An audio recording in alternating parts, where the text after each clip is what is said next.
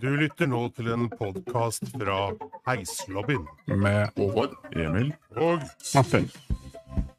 Podcast, podcast, podcast. God dag. Velkommen til dagens podkast. God dagen. God dag. Går bra, Martin? Husk på, Nå skal vi huske på, Martin, husk på å skru på lyden. Har du skrudd på lyden i dag, Martin? Nei, det er ingen som klarer å lese det her, men det står 'husk lyd'. Ja, altså, Og jeg, jeg er ikke helt i mål her. Nei. Nå Eh, tar jeg opp lyden her òg, i backup. veldig bra.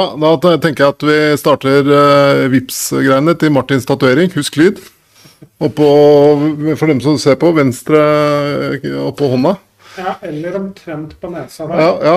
Husk lyd skal Martin få lov, for det glemte han sist, ikke sant?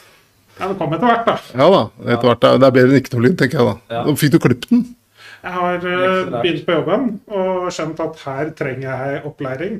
Så det tar litt tid. Jeg måtte skrive manus, rett og slett. Ja.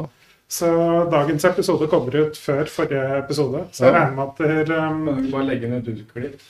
Jeg, jeg, jeg, jeg, den, den ligger jo uklipt ute. Ja, ja, jeg mener jo at det var den beste, en av de beste so far. Ja, Eller, ja, ikke sant? Men Benny Ja, og Bølla og Norma ja, det var jo en av de beste. Veldig moro. Ja, ganske ålreit. Jeg kan ikke si best, jeg skal ikke. Ja. Ja, veldig kult. Men så glemte vi lyden, så, det var, så nå må Martin skamklippe den.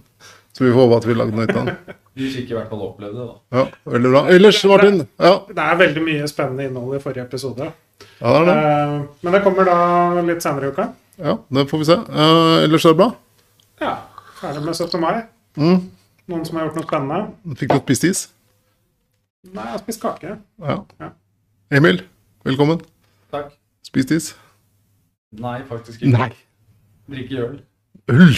Satans Satans uh, satans godt, Ja, jeg, jeg ser det. Ja.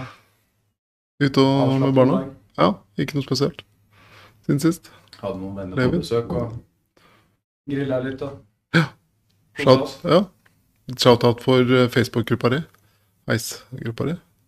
Liten sånn teaser på den. Kan du si noe om den? Den da Den uh, tekniske delen? Eller den heis... Ja, ja, ja, funker. Jeg ser det er ja, mye, mye, mye bra.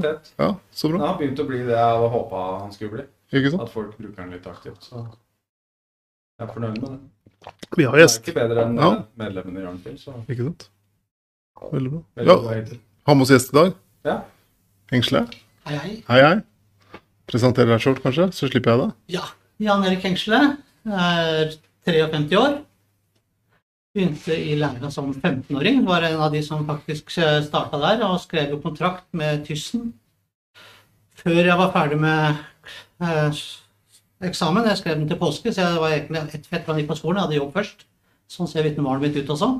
Det var ikke så mye aktiv del etter påsken. Jeg allerede hadde skrevet lærlingkontrakt. Tok eh, fagbrev i april 88. Da var det fire og et halvt års læretid. Eh, har jobbet da med montasje i Tyssen i starten. Bytt fort over på ombygning fordi jeg er fra Drøbak og ikke gadd å kjøpe meg bil. og tok førerkort i sen alder, så jeg jobba helt i Oslo sentrum. Så da ble det mye ombygninger og moderniseringer, for jeg ville jobbe i sentrum, ingen andre ville. Så jeg hadde jo Oslo sentrum som ja, bitte liten rute og jobba der i mange år før det ble fast på service. Ja, det husker jeg ikke akkurat når det var. Og så i 2000 så fant jeg ut at jeg skulle ha en russetid. Så jeg tenkte, søkte om ett års permisjon. Det fikk jeg nei til, så da sa jeg opp. Og så ble det året til syv år. Før Jan Petter ringte tilbake og lurte på om jeg hadde blitt voksen og kom tilbake på jobb igjen. og da passa det litt greit. Da var det litt greit med pensjonspoeng, og alle sparepenga var brukt opp. Så da kom jeg tilbake til Tyssen og jobba der i noen år, før jeg gikk da til Kåne for fem og et halvt Det er snart seks år siden. Sitter nå som arbeidsleder i Kåne. For de som har vært på fylla i Hemsedal, ingen nevnt, ingen glemt. Og du, det er mye Hemsedal. Mye Hemsedal. Jeg var dørvakt i Hemsedal i ti år. Ja. Så jeg kjenner de fleste heismontører på den andre siden. Ja.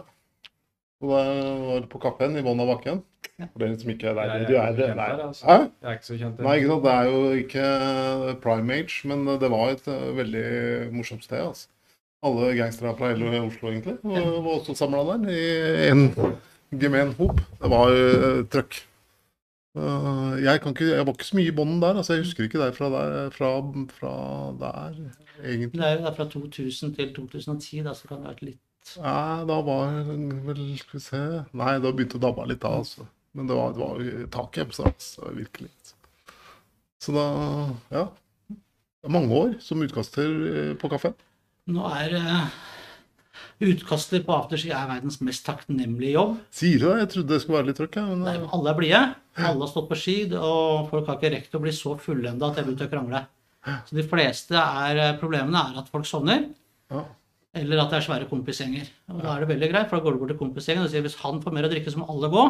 Og jeg kan navnet på alle dørvaktene i Oslo, så dere kommer i, nei, i Oslo, i Hemsedal. Dere kommer ikke inn noe annet sted. Det blir jævlig trist helg for dere. Da ordner de stort opp sjøl internt og sier at han ene må gå ut en tur, så resten får ha det gøy. Og sånn funka det der oppe. Pedagogisk. Jo, men altså, det var sånn det var, fordi eh, altså Dreit du deg ut på ett sted, så snakka vi sammen, da kom du ikke inn noe annet sted. Og den selvjustisen fungerte. altså De som er slåsskjemper, de er jo i Oslo og slåss, og ved dørvakt i Oslo kunne jeg aldri tenkt meg. Men å være der oppe hvor du mer på en måte må gå og si fra til han som er litt trøtt og sliten Største problemet vi hadde der oppe, er eh, barn, åtte-niåringer, som kommer og banker kan ikke den til pappaen er full. Ja, det er Den er trist, og da får ikke pappa med drikke den sesongen. Da var han ferdig med det. Du har ikke noen sånn martial arts skills, altså. Nei, men det som var morsomt, er at jeg var mye mindre av størrelse. og De som kjenner meg, vet at jeg ikke er så stor. Ja. Så der går frykten hva det han kan, Ja, ja. som ikke jeg veit. For alle de andre ørevaktene er dritsvære, men han er bitte liten. Han har et eller annet triks. Og da måtte jeg bare spille på det hele tiden. At liksom, ja, men alle kan jo bære deg, du veier jo 70 kilo. Jo, men jeg kan noe ikke du veit. Da har du lyst til å teste det. Og da ga de fleste seg. Så det var på en måte riset bak speilet at det er et eller annet bak meg. Det eneste som var bak meg, var at jeg hadde telefonen til de store gutta. Ja. Så jeg kunne ringe til de ute og banke dem opp. Men det kom aldri i en sånn situasjon. Det var ikke som forrige gang med, med nunchakoer. Det var ikke Vi hadde nunchako-kamp her. den Det kommer seinere. Ja, det var veldig bra. Men eh, ja, det Hva skal jeg si? Det er smart. Spille på uviss, uvissheten. Ja, Da tør ikke folk å gamble. Jeg tror det er litt sånn der over den tida for sånn der, at det, det, du må være slåsskjempe for å i døra. Altså, det tror jeg er litt sånn er Kanskje på de gærneste stedene, men ellers så Nei, vi, vi gikk jo veldig mye på, på det å snakke med folk. Altså, jeg, jeg jobba jo der hele tiden, og jeg jobba der også øh, da jeg er i en restaurant på dagtid. Jeg kunne jo snakke med de store guttegjengene før de kom inn. Altså, Ja. Forklare at hei, jeg er dørvakt, sånn og sånn fungerer det her. Eh, er det noe trøbbel, så er dette reglene. Alle gjenger har en sjef. Så hvis du klarer å finne han og fortelle han hvordan tingene er, og du blir kompis med han, så er alt løst. Var det aldri noen gang det gikk ut av styring? Nei, da er det ganske høyt under taket, da. Så, så lenge nei. du får ut alle de gamle, og får kasta de ut, og ungdommen da øh, gjør som de vil. Jeg hadde en fest der oppe hvor det var en gjeng øh, fra Bærum, uten at det har noe med saken å gjøre. De kjøpte jo muggermøll og helte de ut. Altså i huet på hverandre og huet på jentene og alt som var. Og så kommer det liksom bort og på hvorfor stoppa det oss ikke? Stoppa dere? Det er sluk i gulvet. her. Dere kjøper jo fire og en halv halvliter i kanner og heller ut. Har dere aldri hatt større omsetning noen gang? Er dere dumme? Altså, det eneste dere har gjort, er at det er butikken har mye penger på sjampo. Vi har ikke tapt noe. Det, det er 25 ungdommer her som dere, dere, og dere heller bare på andre. Dere helte jo ikke på noen andre. Dere helte bare på deres egne kompiser. Det var ingen som var sure. Hvorfor skal du stoppe det? De hiver dem ut, da. De bare økte bare omsetninga. Var, det, var dette den perioden også hvor det var og hva var det han artisten het, som var den dans, dans oppå bordet? Ravi. Ravi, ja. Ja, det var dansing på bordet hver eneste helg. Det var litt av konseptet. Og det er, det er veldig morsomt, for vi, vi tok jo aldri og lagde noen sak ut av det. Men du ser liksom alltid at liksom de tøffeste liksom beveger seg opp på bordet, og så må de alltid sjekke med dørvakta om det får jeg lov, får jeg ikke lov, hvor går grensene? Og så dytter man gjerne jentene opp først, for det skal mer til for at du kaster ut jentene, og jentene kan der, så kan guttene gå opp. Men det skjedde jo hver eneste helg. Hadde de vært der hver helg, så jeg bare OK, hvorfor går dere ikke opp på bordet med en gang, da? Ingen er så ordentlig hive ut allikevel. Men det er litt den der settinga i starten når folk liksom begynner, og det er liksom hver eneste helg, så er det litt det samme. Var det, var det under, er det i samme periode som fallskjermhopping er, eller? Ja, det var ja. skikjøring av vinteren og fallskjermhopping. Nei, faen, det er genialt liv, da. Ja, det var greit. Ble du lei? Altså, det, det må jo være helt Du blir ikke lei, eh, men fallskjermhopping ble også en jobb. Altså, du står på jobb om morgenen, det er jo gode fine dager på jobben, som alt Så du jo gjorde alt, alt som var gøy, ble jobb? Altså jeg... Ja, alle hobbyene mine har på en måte blitt jobb i all tid. ja. Så har jeg begynt med en ny hobby nå med golf. Håper ikke det blir jobben min. Men jeg hadde jo det med ski. Jeg var i ski, starta med ski, så ble jeg skiinstruktør, så bodde jeg i Alpene, og så var jeg guide der nede. Så begynte jeg med fallskjerm, og så ble jeg fallskjerminstruktør. Så. så det har på en måte vært en del av livet mitt, å jobbe som instruktør og gjort hobbyen min om til jobb. Eller, Blir det en dimensjon borte? Nei, det kom en ny dimensjon til. Ja. Så det er ikke noe som du, du liksom Ja. Hmm. Nei, men det er jo gleden av å kunne sette folk i en situasjon de aldri hadde kommet i uten din hjelp. Og det er en ganske takknemlig situasjon. Ja, det, ja, ikke sant. Det er ganske kult. da. Du sa Alpene. Hvor eh, Altså når og hvor bodde du? Du, Sesong 92 i Chamonix. Eh, 93 var litt fram og tilbake hit og dit. 94 og 95 i La Grave, som er en bitte liten alpeby sør for Grenoble, som bare har ett skitrekk. Det går 2150 høydemeter. Og så er det ikke noe preparert løyper. Det er bare lykke til.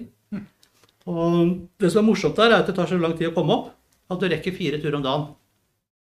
Og hvis du står på liksom tar den første og siste, så har du flaks, så klarer du fem turer. Det klarte vi av og til. Ellers er det fire turer om dagen. Og Da starter du på Snaufjell, og så ender du gjennom skog og ned i en by. Hvor lenge var du nedover da? når du jobbet? 1. januar til 1. mai. Har du, du har, altså, det, altså, det er ikke mye du har vært på heis? Ja, men altså, det De fleste av de årene hadde jeg jobba inn. Ja, Dette var på så- avspasering, men eh, jeg vet ikke hvor lovlig det er å si, men på, på den tiden så skulle man jo også bruke de 200 timerne og den biten der. Så det jeg gjorde, var jo at jeg jobba mye, og så skrev jeg timesedler. Så leverte jeg alle de timesedlene i januar, men det var jo timer, timer jeg hadde jobba på Freia sommeren før. så det så fint ut på papiret, men jeg hadde jo litt flere timer inne. enn- Men de var da fordelt utover, så det var jo ferie og avspasering. Ja, ikke sant? Så det var jo ikke skrivet, men jeg hadde grei inntekt i tillegg. Ja, fy fader, det er helt genialt. Det er noe vi lærer av. Det må vi lære av. Ja. Eh, Snakker du noe fransk? Jeg kunne forstå fransk da jeg bodde der. Okay. Men eh, jeg var i Frankrike her nå jeg er rett før koronaen og jeg skulle prøve å bestille mat, og da endte vi begge to og de er Kenna enige om at det er best å gjøre det på engelsk. Når franskmann sier det, da har du- bomma ganske greit, altså. Det er vel det nivået min franske er på. Apropos, jeg skal ta en liten heisvits. Apropos timesedler. Rask en. Ja. Skal jeg kjøre på? Kjør på. Kjør på. Og en, som- en heismontør, ikke sant? 40 år. Fikk massivt hjerteattakk. Oink, datt om. Dau opp til Sankt Peter, porten, ikke sant? Kom en, liksom, det er intervjuet. Og så spurte han liksom Sto der og skulle inn der og Ja, dette er vel, vel tidlig. Jeg er 40 år gammel. Her kommer jeg inn. Hæ? 40 år? Etter timesedla så er du 72? Ja! Bra? Nei? Ja, det Tygg litt på den. Ja, nei, da legger vi bort vitser. Det var ikke så verst. Ja, jeg synes det Kan et par andre i samme Det gata. litt sånn det. Det er vel litt sånn det funker i USA. Skal vi dra tilbake til heis? Nå har vi fått en liten sånn innføring. Nå jobber du inne. Du jobber inne, det har jeg gjort siden ja, 2010, tenker jeg. Ja. Røftlig sånn fram tilbake. Ja. Det har vært mye, har vært mye innefolk nå, altså konsulenter og formenn. Men åssen ja, hvordan er det? Er det? Egentlig sånn, du har jo øh, veien fra montør til Altså, jeg, I Tyssen så var jeg jo Jeg var jo klubbformann eller verneombud. Jeg og hverandre som bytta på. Vi var på en måte i samme fem-seks som holdt på hele tiden. Og så ble det liksom bare en naturlig vei. Jeg følte på en måte at det ble en ledig stilling inne som arbeidsleder, og jeg følte på en måte at denne jobben kan jeg på en måte gjøre bedre. Jeg kan gjøre hverdagen til gutta bedre.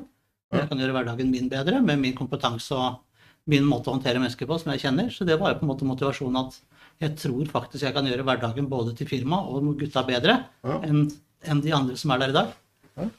Ja. Så det var motivasjonen. Noe av det morsomste jeg opplevde i den situasjonen, var jo at dagen etter når jeg satt første dag som, som formann, så kom jo kollegaer som jeg har hatt siden 83 og slår meg på skulderen. Jan Erik, jeg trodde du var en ålreit fyr, jeg. Så det var jo noen av de. Jeg angrer veldig på Jeg diskuterte jo veldig med min kjæreste der. Jeg skulle ha stilt i dress første dag på kontoret. Det gjorde jeg ikke. Jeg angrer på den dag i dag. Og det var at jeg ikke stilte i dress og slips første dag som formann. Bare på pure. Bare på pur F, bare for å liksom sitte på monterommet med dress og slips. Angrer på at jeg ikke var tøff nok til den. Nei, så, så ble det jo en naturlig del der. Jobba på Tyssen.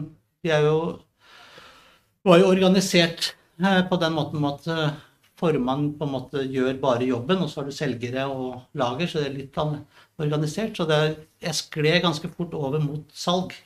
At vi hadde på en måte på Tyssen så var jo han andre formann som jobba med mye mer praktisk og mye mer flink til å jobbe med gutta ute enn det jeg var. Ja. Mens jeg satt jo mer med organisering, serviceruter, salg. Så jeg sklei vel litt sånn delvis over til salg etter hvert.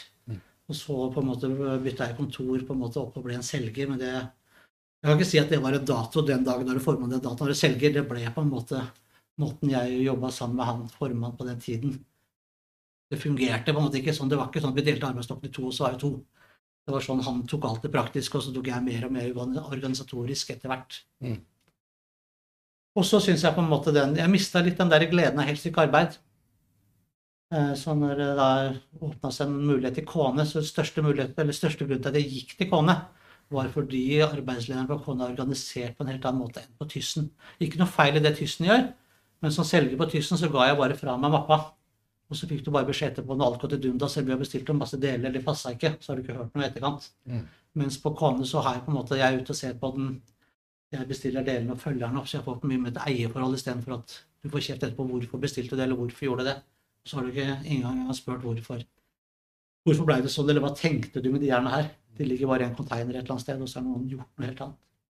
Jeg syns på en måte den måten å jobbe på var litt ja, Ikke fortvilende er feil å bruke, men det var litt sånn kjipt av og til at du ble satt i en situasjon du ikke hadde mulighet for å forklare deg. At det bare jobben hadde bare gått til dundas uten at du på en måte ble spurt. Mm. Der syns jeg på en måte den måten Kone har med færre heiser, færre montører, men en større del av hele ansvaret, er en bedre måte å organisere det på. Tilbake til heismontørenes grunnpilar. Altså gleden av et helt stykke arbeid. Hva tenker du liksom øh, Beste liksom, måten å behandle mennesker er, noe, er det noe liksom Når du skal nærme deg mennesker fra din side, da, altså du er jo arbeidsleder Er, det- er det noe liksom, du har fokus på, eller måter du jobber på for å liksom Det er en sånn toveiskommunikasjon, da, tenker jeg. Altså, du har jo personalansvar. tross. Det, ja, jobben har personalansvar, og alle mennesker er forskjellige, så alle mennesker må på en måte tas på en måte litt forskjellig. Eh, men jeg tror på en måte at en blid arbeider jobber bedre enn en sur arbeider. Så jeg prøver på en måte Jeg er ikke en humorist, men jeg prøver i hvert fall å ha en god tone med montørene mine. Ringe på dem, støtte dem der de trenger hjelp. Forklare dem at det er lov å gjøre feil så lenge du lærer av dem. At det skal ikke det skal ikke være flaut å si fra at du har gjort en feil. Stå for det du har gjort. Jeg er veldig opptatt av at den jobben vi har gjort, og de fakturaene vi sender, skal være sanne. Altså Hvis du har driti deg på en jobb og brent et kort, ikke skriv det. Ikke lag en jævlig dårlig forklaring, for den kommer for en dag en gang. Så skal jeg stå og forklare overfor kunder fram og tilbake. Så noen har hørt at så har du brent det, så har du brent det, så ringer du meg, og så trekker det ut av fakturaen, så sier vi hvor mange timer som har gått, og så sender vi en faktura som er sann. Enn det der juksing. Det verste du kan gjøre med meg, altså uansett hva, det er å ljuge. Altså ikke ljug til meg. Og så har du driti deg ut, og alle driter seg ut. Vi, eh, vi som har jobba i mange år, vet jo at alle vi jobber sammen. Vi skal gjennom samlivsbrudd, vi skal gjennom barn, vi skal gjennom barnebarn. Vi kommer til å ha gode perioder, vi kommer til å ha dårlige perioder. Og det kommer jeg til å ha, det kommer alle til å ha. Men ring meg heller og si at du sliter, så jeg veit at nå skal jeg være litt varsom her. Det gjør saken så mye lettere å jobbe med.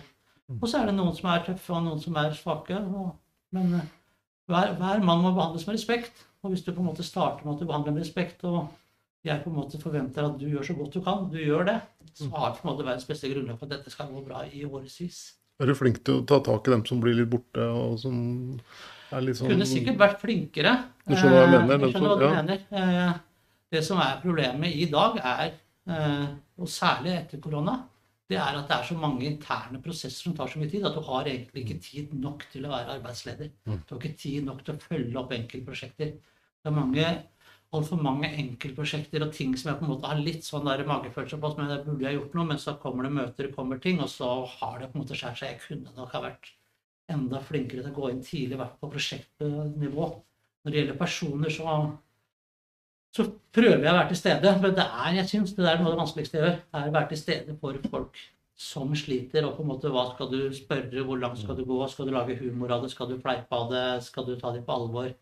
Eh, så det, det er jo noe av det jeg sliter mest med. Men prøver på en måte å holde en så god kontakt som mulig. Og så har vi litt sånn hva er arbeidstid, hva er ikke arbeidstid, når skal du ringe de, skal du tenke Jeg sier jo avslutter hvert eneste møte med at min telefon er åpen 24 timer. Det er min jobb å skru av telefonen jeg ikke kan snakke. Alle kan ringe til meg når som helst. Og hvis du ringer til meg når jeg er på golfbanen, så er det jeg som har glemt å skru av telefonen. Det er ikke ditt problem. Du skal ikke lure på om det passer å ringe til meg. Da er det min jobb å skru seg av. Men jeg syns jo, tilbake gjennom vært arbeidsledig i så mange år, altfor få som har benytta seg av den muligheten. Noen er det selvfølgelig. Men litt tilbake til de podkastene dere hatt før. Det er nok litt machomiljø i, i bransjen til at folk på en måte vil åpne seg opp og vil på en måte stå fram. At det, ting har nok kommet fram mer i etterkant at det kanskje burde ha sett signaler tidligere. For det er jo, ja, for det er jo altså det er når Den bransjen er, er jo veldig spesiell på mange måter, da. Og det tenker jeg er Det er en enorm frihet, men det er også enormt lett å bare bli borte uten at folk catcher det. da. Altså sånn der, Du kan skjule deg, særlig hvis du er sånn halvt oppegående, at du kan liksom du leverer et produkt, da. er flink til å reparere heise eller tar i altså sånn, altså du, Om du er borte Du kan jo nesten jobbe to og en halv dag i uka ikke sant? hvis du er flink og får unna. altså Det er ingen som, som fanger deg opp. da, og Det, det tror jeg er sånn derre altså, øh, og Derfor er det egentlig det, altså, det faller et enormt ansvar på dere, tenker jeg. Altså, som arbeidsleder. altså vil, vil, Syns jeg, da. Jeg er helt enig i det, men jeg syns jo ansvaret også havner vel så mye på, på de kollegene som er til stede. Jeg må jo si at de gangene hvor jeg har vært nå og føler kanskje det jeg er god på, er jo på en måte det å kanskje spørre kollegaen hvordan går det med han. Altså, og jeg vet jo på en måte hvilke kollegaer som har, eh, som, eh, har god dialog. Og selv på en måte, selv om jeg har på en måte en sone, så er det jo nødvendigvis ikke alle på min sone som er de som banker mest sammen. Det er litt på kryss og tvers av soner, men det er på en måte å høre med de andre. Hvordan går det? Har du det bra? Eh, fungerer det? Den, den, biten føler jeg er viktig. å ja, det er viktig for oss som arbeidsledere. Og den viktigste delen jeg kan få høre om mine folk gjør en bra jobb, er jo å snakke med kundene mine. Altså når jeg snakker med kundene, eh, og de tar kontakt, hva syns du om montøren, hvordan var det, hvordan er det? Det er jo der du på en måte kan få et, et svar, for vi har jo ikke dessverre kapasitet i dag til å være ute på anlegget og etter dem, så ville det vært en drømmesituasjon at man kunne både gått sammen med folk, men også på en måte kunne gått rundt i etterkant og hatt en mer hands on. Hva er det som egentlig skjer på alle jobbene? Men er ikke det egentlig en plan? Altså, det har vært en plan i planen siden jeg begynte. Jeg har ikke hørt annet om den planen siden jeg begynte, men foreløpig så får du bare flere arbeidsoppgaver enn Ja. enn færre. For det der å, kunne være ute da, og være en del av den gruppa, etter sånn som jeg har skjønt det, det, kanskje, det tenker jeg er veldig lurt. da. Jo, jeg føler Altså, det, det som er at jeg jo Nå er jo jeg eh, en av de få i Kåne som kan tyssen, så jeg er jo mye mer med andre montører enn mine egne. Og feilsøker, så jeg føler på en måte at jeg er til stede der det er. Men å være til, bare ha den tiden at nå kan jeg bruke tre timer på å bli med mannen bare for å se hvordan han jobber, den tiden mangler jeg jo. Men hvis det er noe hit eller dit, eller det er noe assistanse, så, så prøver vi å være til gode til stede. Selvfølgelig ikke at, eh, eller håper ikke at jeg blir sett på en som en som ikke stiller opp, men kapasiteten til å gå rundt og gå sammen med de, ta et serviceoppdrag og følge med på hvordan man gjør jobben. Men samtidig tenker jeg at de, de montørene som er under meg, de kan service vel så godt som meg. altså De har ikke noe behov for at jeg skal se på dem. Og så var En av montørene mine var jeg med som læregutt i 87. Jeg vil ikke være med han og se om han gjør en bra service. jeg. Altså Alle mine har jo liksom hatt faglig siden 90-tallet. Så skal jeg stå og se på de og tenke det er bortkasta tid for han, det er bortkasta tid for meg. Men at vi kan snakke sammen, ta noe feilsøking, være til stede og være mann nummer to istedenfor at man skal være to montører. Og ikke for at jeg skal ta bort den biten, men for å bli bedre kjent at når vi står og jobber sammen, at jeg står og holder postelesta du boreren.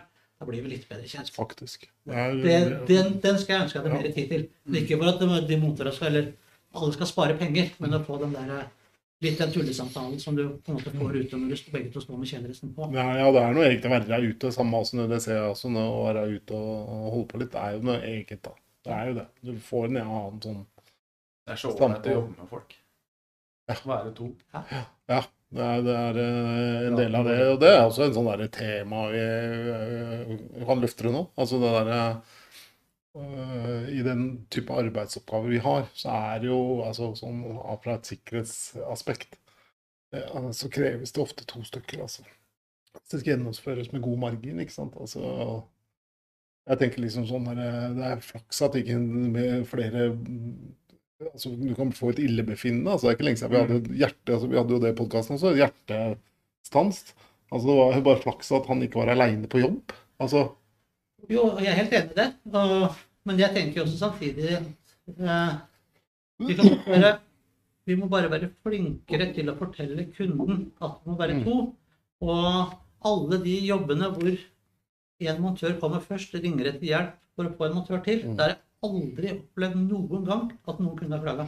Men at det kommer to montører og retter en dør og skriver dobbelt sett med timer og stikker igjen, der blir det trøbbel. Mm. Fordi både vaktmesteren og alle ser hvor lite jobb det er. De ser at han ene står med hendene i lomma, eller bare fleiper. De syns så godt. Eh, Så vi, vi må ikke si at lage det helt svart-hvitt. Altså, det er ikke sånn at det ene været Og samtidig er det litt den der som jeg også savner litt, det er litt den derre Ok, vi er to som jobber sammen, og det er ingenting imot. Men hvis det er noe trøbbel med å reise og hente noe, så reiser begge to på lageret. Begge to til leverandøren, og så har det gått sju og en halv time. Istedenfor at du, vi mangler noe, jeg går og tar noen servicer, og så så stikker jeg den andre bort, og så møtes vi enten i morgen til, eller vi møtes etter lunsj, eller vi ringes.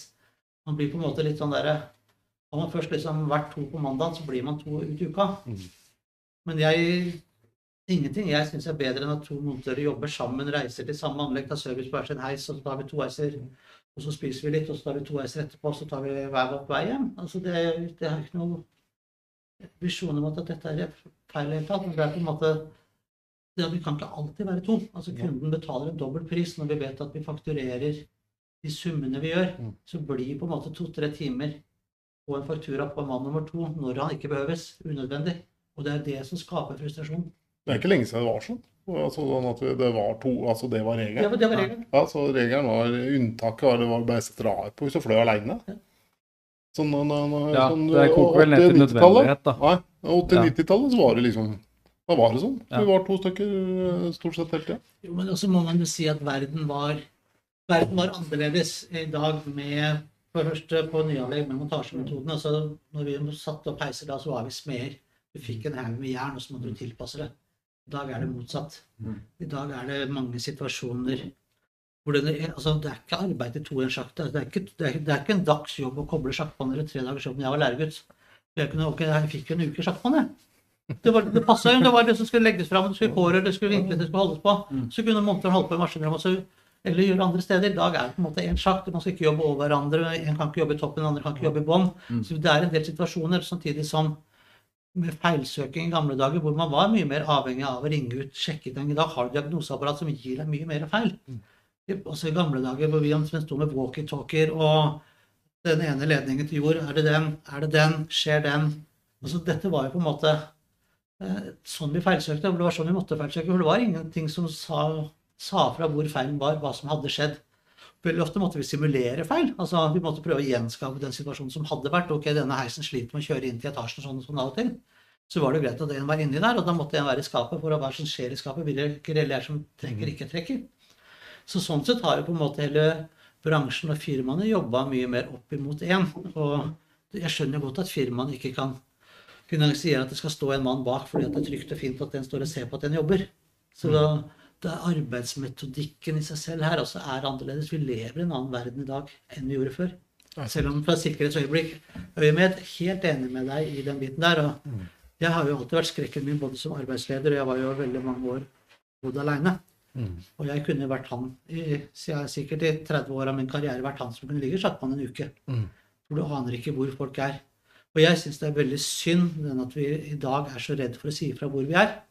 For det er noe som skal redde deg den dagen ting skjer, det er at du vet hvor det er. Og når du har en servicerute, og du forbeholder deg retten at jeg er på hvilken heis jeg vil, når jeg vil, og noe skulle skje og kona ringer til meg, mannen min er ikke kommet hjem i dag, han har 100 heiser på ruta si, han har ca. 80 åpne servicebesøk.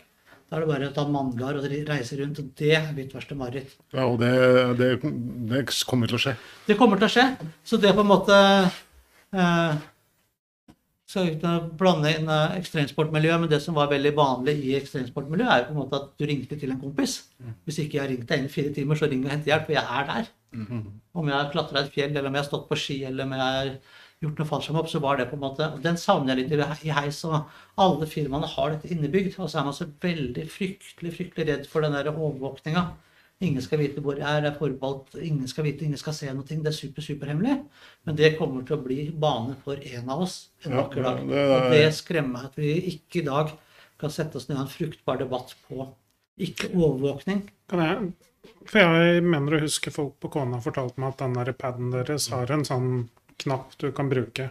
Som det ikke skjer noe med mindre du ikke trykker på den etter en viss tid. Ja, det er ulv-ulv-knappen. Den som eh, det går, det går i en. Men Det går en er, men den er jo da satt i maks tid, fordi at montørene ikke har enheten på seg til enhver tid. Den ligger jo stort sett i bilen eller hjemme uten strøm. Så det gikk jo så mange falske alarmer. Ok. Så ja, I min tid inne så har jeg vel opplevd to eller tre sånne alarmer. Eh, som man på en måte har For det går, det går alarm hvis du ikke aktiverer den lenge nok, men jeg tror den er satt i konesystemet til makstid. I Det er hvis, hvis du ikke beveger paden. Det er sånn der, eh, det husker jeg. Det gikk jo, gikk jo selvfølgelig alltid om natta, ikke sant. Og den hører du, altså for du, Hvis du ikke logger av, det er det som skjer. ikke sant? Så du bruker jo denne verktøyet ditt, og så legger du fra deg den. Og selvfølgelig da, så går vi den klokka tre om natta. Og for å si det sånn, den hører du. Det er som en brannalarm. Og da må du forte deg og så- bare svare på at 'are you okay?' står det, og så må du trykke ja. Det- Men det, er, men det er ingen som responderer på den. For det er, det er så Altså, det er så mange Det går så mange alarmer, da. Så den bare Det skjer jo ikke noe. Altså, det det som Det har ikke blitt noen rutine på det. At det blir OK, hvis eh, det og det skjer, så skal vi gjøre sånn og sånn. Det er ikke. For det, det har vært for eh, for mange mm, Også som du sier, det er altfor lang tid altså, eh, på det. Så det var en god idé som var dårlig gjennomført. Ja, det kan, ja, altså, det, ja, ja det, det tør jeg påstå. Ideen er jo på en måte at hvis du hadde hatt den på mobiltelefonen din, så du på en måte Ja. hele tiden hadde vært i nærheten, men det som var, var jo på en måte at du fikk det på en pad eller fikk det på en enhet som du ikke bar med deg. Mm. Eh, Men samtidig forteller hen deg på en måte ikke hvor du er. Den er på en måte bare at noe har skjedd, at du i hvert fall Den har- brukte ikke GPS eller Eh, Det det, Jeg kjenner ikke godt nok til det systemet, men eh, Ja, for det ble stoppa, vet du. Det, det det det ligger- det overvåkning. Som sagt, jeg ikke diskutere den Nei, det- nei, det, det- det kan jeg ikke. Men- Jeg men tror ikke vi skal åpne den, der, den sida av den boka. Det- vi, har, vi kan ikke sitte her i tre dager. Liksom. nei. Men jeg tenker vi kan jo bruke det media vi faktisk har, da. Som hvis noen kjenner til et godt verktøy for dette her som, Ja, jeg er helt enig med deg. Det, Ta, ta, Gå på Facebook eller send oss e-post. ja, er det noen ideer, ideer på det der, så det, det er noe vi Uten at det skal øh, være mulig å overvåke det. Det er jo det som er hele Ja, og det, det har ingenting med overvåkning å gjøre. Det har rett og slett bare med at hvis noe skulle skje, og nå er vi jo Jeg har også lurt på det samme. Er det noen som vet hvor du er? Hvis det skulle skje noe? Er det noen som mm, ser om du kommer hjem i dag? Det er jo de da som på en måte da Jeg som på en måte både da har drevet mye rart etter jobb, så jeg har jo ikke vært forventa at jeg kommer hjem. Og stort sett har jeg bodd alene i mange år, så det hadde, jeg kunne jo på en måte vært sammen en uke før foreldrene mine lurte på hvorfor ikke jeg kom på, Ja. på middag, ellers. Mm. hvorfor ikke ikke det fra meg. Så det er, det, er bare, det er bare et tidsspørsmål. Det er, Så, så, så altså, det er som sagt, det, så vi starta med dette, er jo marerittet. At du får den telefonen at mannen min er ikke kommet hjem, hvor er han? det gjelder noen som har skada seg stygt. Det er sånn, Ja, der, men- altså, sånn det, er en Ja, nei, jeg har også tenkt at uh, dagens situasjon med hjemmekontor, hvor mange er det som mm, tar altfor lang tid før noen sjekker hvor du er? Hvis du ikke dukker opp på jobben og det er forventa, så er det noen som ringer og kanskje ringer politiet, eller noen som kan sjekke hjemme hos dem, men sånn som det er i dag, så Ja, hjemmekontor skjønner vi kan ta en helt egen sending på. Der. Ja, det- det- for, å si, for å si det sånn, jeg melder meg gjerne på, kommer gjerne tilbake til den Ja, ja. episoden. Men, Ja, det, det, er, det tror jeg også er en sånn her, Men det blir jo litt annen greie enn det øh, Ja, det blir jo for de kontoransatte, da. Mm. Men uh, vi hadde en litt interessant diskusjon om det du kalte samfunnsansvaret som vi har tatt for oss med å hjelpe Sandnes osv. Kan vi snakke litt om det? Da? For det syns jeg var veldig Ja. bra. Ja, ja, jeg møtte jo Emil utenfor, utenfor her. Jeg kom jo litt tidlig og drakk kaffe, som jeg stort sett alltid.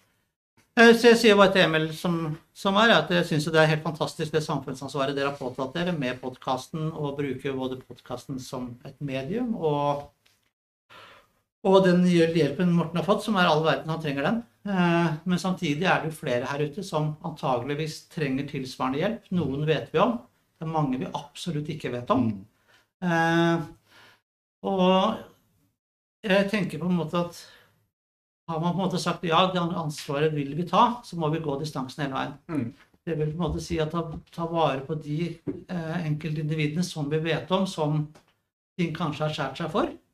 Eh, som vi på en måte vet kanskje har vært utsatt for hets, stress, eh, andre ting. De mener jeg på en måte at vi må i hvert fall få på banen, eh, vite hvem de er. Eh, vi bør ikke lage en podkastepisode om enhver enkelt person, for det er sikkert mange som ikke vil fremstå med sin historie. Men jeg tenker på grunnpilaren, altså hva skal vi gjøre? Og liksom vi snakket om ute her, det er viktigheten av at det er lov å drite seg ut, Mm. som jeg ja, ble nesten høylytt og engasjert her. Det er den at det er ingen som behøver å skrive under på noe papir fra noe sjef uten å snakke med klubbformann, fagforeningsleder, en god kompis, eller eventuelt ring meg eller ring noen andre. Det er ingen sjefer som kan pålegge deg å signere på noe som helst papir. Den retten har du til å si nei, dette må jeg tenke meg om. Mm. Om du har driti deg ut, om du kom full på jobb, om du har krasja firmabilen, eller hva enn du har gjort, du plikter ikke å signere på noen ting. Ta med deg det papiret. Se hva som står der, og se hva du går med på. For der tror jeg det fins personer i bransjen som har på en måte har driti seg ut, og kanskje på en måte fått beskjed om at vi skal ikke si noe mer, hvis du signerer her, så kan det gå, så er vi alle ferdige, og så sitter du med svarteper i etterkant.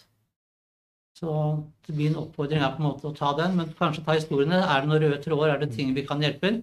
Jeg syns det beste med Morten Sandås var jo på en måte hele den biten hvor viktig det er med forsikring. At det er så langt viktigere enn lønnsoppgjøret. Om vi får 50 øre eller 2 kroner i et lønnsoppgjør kontra en god forsikringsordning, en god pensjonsordning. altså det er så mye mer penger når du først trenger det, enn den ene bubben du får, eller de to ølene du får av den femtilappen, med en god ordning, og at alle går gjennom sine forsikringer tar det på alvor. Vi kan godt le av dem, og vi kan fleipe med det. Men når du først trenger det, og når du først eh, har skjedd en skade, eller du virkelig er ille ute å kjøre, så er det det som hjelper deg. Så få gode ordninger, få gode personer som kan dette, er det viktigste vi kan gjøre. Å ha ressurspersoner, og at de ressurspersonene også gjøres tilgjengelige på tvers av bransjer, på tvers av organisasjoner. Noen kan mye om pensjon, noen kan mye om forsikringer. Ta kontakt med de, de som sitter rundt i de forskjellige klubbene, og hør hva som funker for en forsikringsagent når han kommer inn. Så høres alt fantastisk ut. Så det er litt en oppfordring jeg tar. Men tilbake til det vi starta med, samfunnsansvaret. Det er den Eh, hvis folk der ute vet om historier som burde kommet opp, personer som burde kanskje fått en håndstrekning, så må de ta kontakt, og da kan de ta kontakt med Emil, så vil han være koordinator i den. Da er det overtenning. Ja, nei, men. Sånn, jo, men eh, sånn at jeg skal gjerne hjelpe til med de som jeg kan, og folk må gjerne ringe til meg. Mitt telefonnummer er langt fra hemmelig, det, hvis man ikke har lyst til å prate med Emil. Men du må snakke med noen, og så kan vi på en måte snakke med hverandre, men Og så prøve å få prøve det er- hva kan vi gjøre, hver person og hver case vil være helt forskjellig. Men det er jo litt av tankegangen bak hele, hele, det, hele dette prosjektet, da, kaller jeg det. Det er jo å ufarliggjøre en del temaer, ikke sant. Altså sånn derre og, og liksom mennesket bak, det er det som er hele greia. Så det, det tenker jeg er veldig viktig det du sa, egentlig. At vi, vi tar hun nedpå og prøver å belyse litt sånn tabuområder også. da. Både psykisk helse og rus, og prøver å, å prate om litt forskjellige ting. Og, Seksuell legning. Er, du gæren? Kjør på. Kjønn. Jeg, altså, jeg er svært lite, svært lite. Jeg har Ja. ikke veldig mye Ja, men, ja, ja, det er jo å senke terskelen for det at vi skal bli mer åpne, men det er også det at hvis vi vet om noen konkrete saker da, som har skjedd, eller som er hva skal jeg si, underveis, så må vi prøve å hjelpe til. ja, så belyse, Så ja, så hvis, det blir, hvis vi kan bli et sånn der fora hvor vi kan belyse uh, saker som vi føler Eller som folk føler er litt sånn uh, Kommer litt gærent ut, da, så, så er vi med på det. Mm. Ja. Helt klart. Altså, det det- jeg jo Det er klart at Absolutt. hver sak er ikke det å bygge om taket til en uh, kamerat. Altså, det kan være Nei, ta en jeg, kaffe og snakke, for all del, eller men jeg er jo opptatt av å heve takhøyden. Ja, Toleranse. Det å liksom Alle har rett til sin plass. Ja, og jeg bare håper at hvis man Ja, hvis det er noen det gjelder, at hvis de ser at de faktisk får hjelp den ene eller andre veien, ikke bare på papiret, men at det er noen som gjør noe for dem, så håper jeg at de ber om hjelp òg. Ja, så det- vil jeg på en måte litt hvert de som jobber i mindre firmaer eller mindre, ta kontakt. Det det er en stor organisasjon. Helsemedisinsk fagforening er en stor og flott organisasjon. Du er ikke alene selv om det er få organiserte rundt deg og på din plass. Mm. Ta kontakt med andre, eller øh, gjerne lærlinger på samme kull. Hør hvem du skal snakke med hvis du syns at fagforeningsledelsen ser skummel ut. og det jeg var med, jeg var jo 15 år og syntes de har vært jævlig skumle før. Mm. Men det fins mange snille personer kanskje som du føler deg mer fortrolig med. Mm. Så finn din vei inn. Men eh, Ja. ikke vær redd for å ta en kopp kaffe på foreningskontoret. Ja, det har jeg liksom merka altså, sånn som rusarbeid og sånn. Altså, har jeg vært øh, hjelpa av de mindre firmaene som ikke har det nettverket, ikke sant. Jeg har gått inn og kanskje veileda litt, da. For det er, ja, og hva man kan gjøre med, i sånne saker. ikke sant. Uh, og det tenker jeg, det, det er ikke alle firmaene som har uh, altså som er mindre, som ikke har den det altså så mange mennesker i organisasjonen sin. Og da er det veldig riktig som du sier, ok, så fins det andre steder. da. Altså, og, og, for det er et stort nettverk. Altså Hvis man blir litt kjent med nettverket i, i hele bransjen, så er det stort, som Eksle sier. Altså, det er, er enormt med folk. Og det er enormt med kompetanse. Og det er jævlig mye hyggelige folk Ja, og jævlig, ja, faktisk. som har lyst til å hjelpe til. Ja. Og veldig mye morsomme mennesker. Ja, ja, er altså, det, er, men det, er, det, er, det, altså, det, er, det er vilje der ute. Mm. Så det tenker jeg, og, og man kan jo også komme på kant med sin egen klubb, ikke sant? Altså, ikke minst. Altså, det, det, det skjer jo. Ja, ja, absolutt. Og det, ja, og man kan jo på en måte være Nå er det jo veldig mye, som man snakket om tidligere i podkasten, er også veldig mye eh, samme blod. I, Mm. Så det kan være lettere av og til å komme at du kanskje ikke vil, eller Mm. klubbformannen er onkelen din eller fetteren din, eller i worst case er det faren din. Eller, eller sønnen din. Det kommer litt an på hvordan du snur og vender på det. Kan være sønnen og faren din. Så, nei, så det er jo viktig som Håvard sier, at det er, og det finnes kompetanse. De større firmaene har jo vært igjennom kanskje fire-fem caser. Mens en Akan-mann f.eks. på en måte et sted bare noen av Eller 20, eller 20, da, som vi sier. Ja, eller 20. Eller, men, eh, men et lite firma kanskje aldri vært borti det. Ikke, ikke blitt skolert, ikke gjort noe. Det var bare det eneste verbet som var igjen. og eneste mann som ikke hadde noe, som fikk den. Og så er det på en måte ja, vil, vil, vil egentlig ikke ta tak i det. Så når du prøver å rope om hjelp, og så får du ingenting. Og det er rett og slett fordi de du skal ha hjelp av, ikke har kompetanse eller vilje. Så det er på en måte da å tørre å gå til andre som har kompetanse, har vært igjennom mange ganger, tror jeg er superviktig. Det kan vi det er shout-out til alle som sitter i, i klubbstyrene og er tillitsvalgte i de mindre sjappene òg. Altså, øh, er dere rådløse, så fins det hjelp. Altså, det er jo ikke minst. Altså, det, det kan være på mange områder. Altså. Ja, altså den ballen ramla ned for meg nå at når jeg var klubbleder i Uniheis, så er det nok eh, en sak som vi snakka om litt i stad, som Hva skal jeg si eh, Klubblederen burde ha håndtert annerledes. Ja. Og det er jo bare å legge seg helt flat og si at ok, kanskje man ikke hadde all informasjonen, kanskje man spurte feil folk, osv. Ikke sant? Og det, det, er noe, ja, og det tror jeg er veldig riktig det du sier. Altså. Og det, det er superviktig, og derfor er det så viktig at det, og man har så stort nettverk bak seg. Mm, Det er på en måte som jeg sa innledningsvis, Man bør ikke signere på, man bør ikke gjøre noe. Det er lov til å Mm. trekke seg tilbake, det er lov til å ta noen telefoner, ringe litt rundt, sjekke litt rundt. Mm. Hva er det egentlig som skjer nå, hva er, hva er som greie?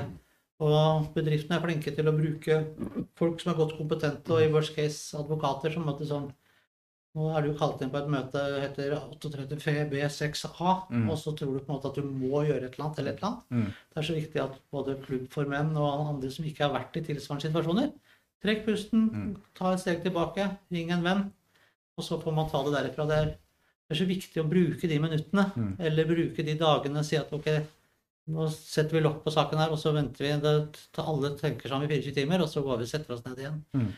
Jeg tror det er smart i veldig mange sammenhenger. Ja, sammenhenger. Altså. Mm. Selv, selv om alt ser riktig ut, bare trekk pusten noen ganger. Tenk deg litt om før du gjør noe. Og det, det, ja, og det er veldig bra, Martin. Det tror jeg, Men akkurat den tankegangen der kan du dra for uh, punkt én til situasjonen du går inn i som er farlig, Punkt to til andre. Jeg er jo sånn før, ikke sant. At blir, reagerer kanskje med sånn Det da, da til helvete alt sammen. Altså sånn der, og Istedenfor å som du sier, beskrive, gå ut av situasjonen, se litt på det, pust øh, det tre ganger, ringe om tre kvarter. Istedenfor det, det, det kan dra til helvete. alt sammen. Jo, men ja, istedenfor å liksom hva er, hva er dette? Kanskje ikke er personavhengig, den kritikken som kommer, eller hva det skal være.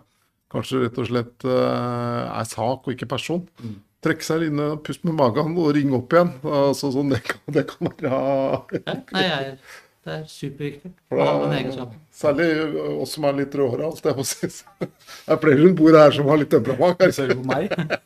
Ja, det kan vel eh, stemme. Jeg har roa meg litt nå, men Jo, Ja, men det er litt med det. Altså. ja. Lunta pleide å være ganske kort. Ja, ikke sant? Det kommer med alderen. Det blir mer i avslipp.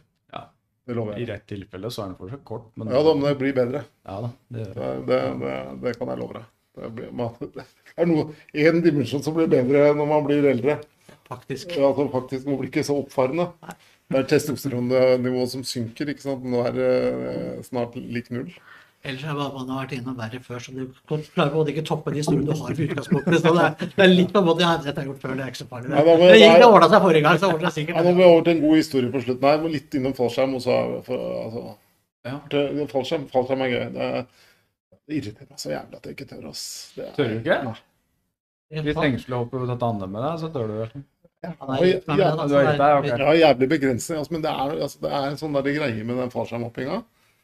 Altså, for det ser så kult ut, og så tør jeg ikke. ikke sant? Nå er jeg den ærlig på det. Altså, sånn der, eh, men det er, ser jo så jævlig fett ut. ass. Når jeg har vært av gårde sammen med Hans Lange, og han er oppe av base, og sånn, det er bare helt sjukt å se på. ikke sant? Har du opp av base, egentlig? Ja. Ti baser. Ja. Men uh... Med kontrakt. nei. Bare jeg har Ja. 500 hopp på- med, med vingedrakt fra fly, men aldri fra Ja. fjell. Så Eh, Jeg, jeg, jeg hoppa base i, i noen år.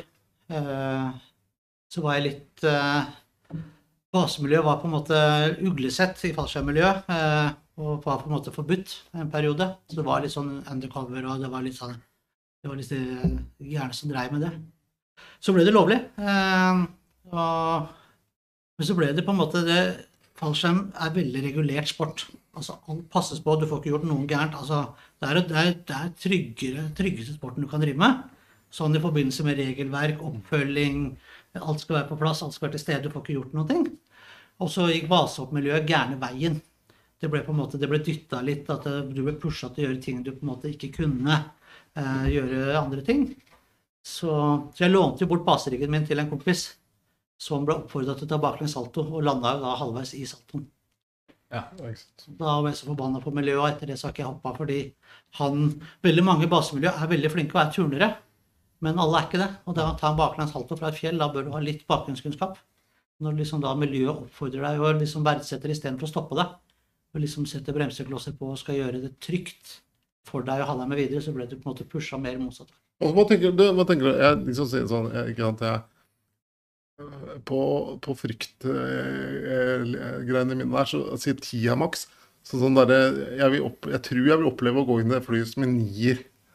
Gå inn i flyet. Ja, og, og, Fallskjermfly, eller? Ja, fallskjermfly. flytende? Ja, også med å si du Vi sier at sånn, vi to skal hoppe, da. Og så sånn derre tanken at jeg kjenner jeg går og drar på en femmer bare jeg sitter der. Og så liksom sånn ja, Ni vil jeg si at jeg vil gå på. Åssen er liksom Vil det gå? Vil det funke? Jeg som er så redd som meg, tror du det? Ja. Nå har jeg god teknikk, jeg har jo over 2000 tandemhopp. Men min teknikk, hvis jeg skulle hoppa med deg, ville vært å tatt bort all fokus. Du ville bare oppleve at du var i fritt fall. Og Jeg ville bare bedt deg, og så hadde jeg fått deg inn i flyet, fått deg klar. Idet vi kommer opp i høyden, så skal du ta hendene dine der, og så skal du ha hodet ditt dit, og så skal du opp dit, og så skal du gjøre sånn. Og til slutt så er du i fritt fall, før du skjønte det. Ja, og da skjønner du nesten Da blir du så jævlig glad etterpå, for du har mest mestra ja, noe du ikke har noe, gjort jeg, noe noe som jeg har tenkt på i ti år. ikke sant? Så, Altså, sånn så det var jeg god på. Og Ja, som jeg sier til alle sammen, altså Det henger bilde av meg i 1000 hjem, for jeg har 2000 tanner. Og det, alle de har hengt opp bilde av meg på veggen. Så Så det det- henger bilde av meg i 1000 hjem. Ellers så tenker jeg til, tilbake til brennevin, da. Vodka Altså, en- cola. Vodka cola. Nei. Nei, men altså, det er eh, Altså, på for, så hoppe ut av et fly, da, Ja. eller et helikopter Det er så absurd høyt at du på en måte Ja, er du, Over 150 meter så mister du jeg, ja, jeg tror jeg er ikke noe plaga med høydeskrekk. Jeg jeg er et eller annet med den derre Fader, skal jeg beskrive? Det er bare noe frykt Jo, jo, hele greiene. Altså, sånn der, ja, ja, ja, altså sånn der hele situasjonen blir helt absurd for meg. Altså, og det er jo ikke sant, fra Nattums side. Det er jo det er, det er en grunn for at du har angst og frykt. Det er jo fordi du overlever, det er en overlevelsesstrategi. Men det er jo det, jeg tror det der å, å, å, å overvinne den, da.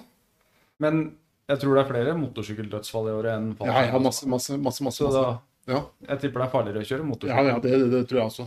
Det Jo, det er jo helt klart. Det kan du, og du bare kan sammenligne eh, skader og, og den biten der. Du kan si fallskjermhopping eller eventuelt basehopping.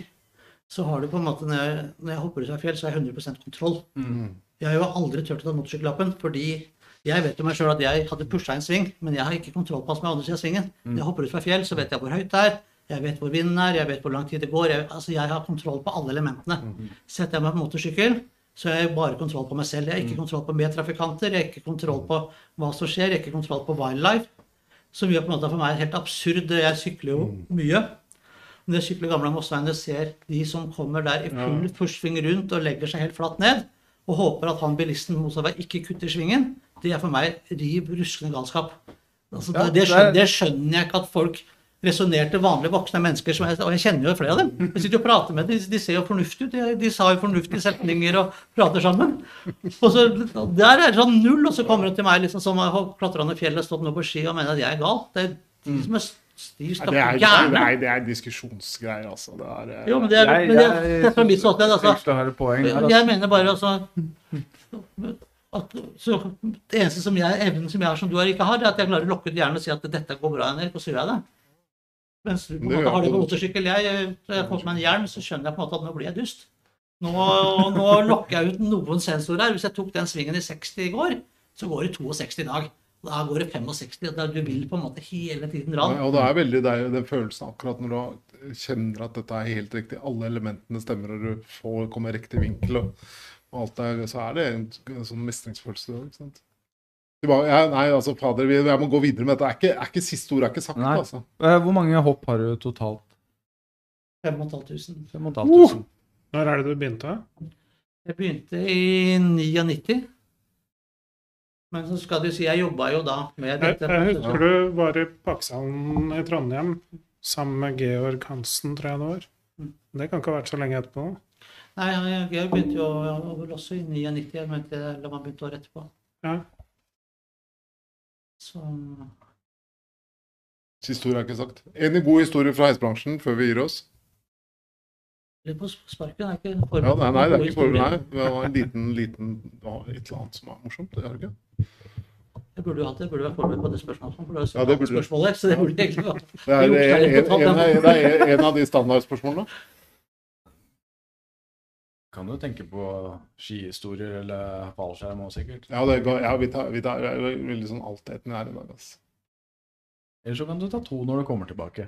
Ja, det, Som jeg- jeg, jeg kan huske på å skrive opp, så jeg har forberedt spørsmålet neste gang. Vi var den sånn, nei, jeg husker han eh, var i tandem opp og glemte å koble på.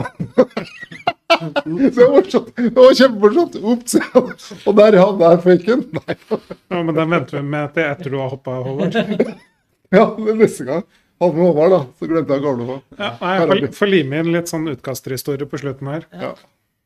Nei, men det er bra. Det var koselig at du kom, eh, Jan Erik. Bare koselig. Så- For å hyggelig å bli invitert. Og så litt sånn Kontakt oss. Ja. Er det ikke Vi kan hjelpe deg med, eller bistå. Eller, ja, eller noe vi, temaer vi tar opp. Det har ikke vært veldig mye henvendelser til oss. Det har det ikke vært. Nei. Nei. Så det tar vi gjerne imot. Vi har jo Facebook- Facebook-gruppa vår også, som det går an å komme med. Ja, Du finner oss på Heislobbyen på Reise- Facebook. ja. Ja. Heislobbyen.gmail.com. Nå kommer jeg. Jeg har Der kommer Ja, nå kommer vi- var det gøy. Eh, I to, enten 99 eller 2000, jeg er litt usikker på årstallet, så satt vi og lagde kalender. Og aktivitetskalender skal jo ha aktivitet hver helg, for det skal jo alltid skje noe. Mm. Eh, og så hadde vi da fylt opp alle ukene, hadde én helg igjen midt på sommeren. Vi hadde altså ingen ideer. Det var sånn, Vi har ikke noen idé. Og når vi brukte opp alt vi har vridd hjernen vår, så kommer da selvfølgelig Eh, Vi tar nakenhopping. Det er jo gøy. Og vi setter jo inn i kalenderen, og det går jo på internett. Så var jo, internett var jo ganske ungt, så vi skjønte jo på en måte ikke konsekvensen av det. Eh, så går det noen uker, og så får vi da leder i Pasha-klubben da telefon fra Dagbladet. Du, den nakenhoppinga som dere har på kalenderen deres på internett, når er den, eller hvordan gjøres den? Og da ble dette plutselig litt, eller ble virkelig. Så da måtte vi begynne å sette i gang dette her, da. Eh, det kommer da en journalist opp eh, på onsdag for å liksom gjøre forberedende hvordan dette funker, hvordan dette er. Så har vi en veldig kreativ dame som ble da Du går og prater med journalisten, du er morsom, du finner på noe. Og de sydde jo da opp altså denne historien. Hun ble høy på seg sjøl, ble intervjua av Dagbladet. Og fant opp historien at vi hadde vært i Amerika på nakenhoppingkurs. Og hadde nakenhoppingsertifikater. Og dette var veldig vanskelig, og det var veldig komplisert. Og menn måtte jo passe på tingene sine, og damene måtte jo Og det her endte opp i, og så trodde vi på en måte at nå er jo nå er historien død, liksom. Nå har hun reist. Dette ble for gærent. Det, det her kan vi ikke gjøre noe med. Men på lørdag så kommer hun tilbake med fotograf. Da sto vi der, da. Med skjegg i postkassa, som det heter. Så måtte da Hvem er som er minst sjenert på feltet her? Noen ble plukket ut frivillig, andre meldte seg frivillig. Det var jo brunken gjeng. Eh, Og med fotograf, da, og opp i flyet og kle av seg alt som var. Og Dagbladet har jo da ekstra bilag, så det, da står jeg på helsida forsida på helsida av bilaget. Og få en telefon fra min mor at det var hyggelig å se deg. Kjente jeg på tatoveringene. Det er veldig bra. Du hørte han, han som var her forrige gang, han som hoppa i, i Ja, Benny hoppa i, i tanga. Bare i tanga. Og så ble jeg huska, Det er jo morsomt. Den kommer tilbake til når Martin får klippet den. Benny har vel hørt den historien her før, tror jeg. Så han er vel inspirert av den. Benny er, ja, Han da kjenner jeg Benny veldig godt. Jeg var jo også fadderen hans tidligere. Så jeg har jo Ja. Han, Han eh, har vel gjennomføringskraften på å utføre noe sånt òg, tenker jeg. ja, han, Benny, kjør. Hvis han ber deg holde en øl, så er det på en måte på å gå ta et skritt tilbake. For å si det sånn. Da skjer det noe. Ja, da skjer det noe. Men uh, har du det Har du det nummeret av Dagbladet hjemme, eller? Det lå på nett lenge, okay. eh, så jeg flytta noen ganger. Jeg hadde tror kanskje foreldrene mine har det, men eh, vi se hva, hva Google kommer opp med. Om vi jeg, kunne jeg har ikke eh, funnet de siste. for da, vi satt og Det er en historie som dukker opp en gang i året, så over noen øl. Var Ja, ja. navnet ditt òg, eller? Navnet er fullt navn. Så det var ikke noe på det. Hvor kaldt var det? Tja, skal vi si, Nå er det vanskelig med fingermål her, men eh, det er vel en hårbøyl omtrent. da. Hvor kaldt er det der oppe? Hvis du sier at eh, 0 minus 5, og så ganger du det med 200 km i timen, så kan du ringe meteorologisk og spørre hva som blir effektive hullgrader. Det var ikke problemet at det flabra, i hvert fall. Nei. det Som du ser på video, det det kan jeg avkrefte. Det var håndfast, ja. Ja. Ja. De ringer eh, hva er Fritt fall 2005. Ja, Jeg vil tippe det var senere, jeg vil tippe det var rundt 2000, ja, men det kan godt være mulig jeg bommer på årstallen her. altså, det var- det var, Det kan være noen har hoppa naken før deg òg, altså. Ja, ja.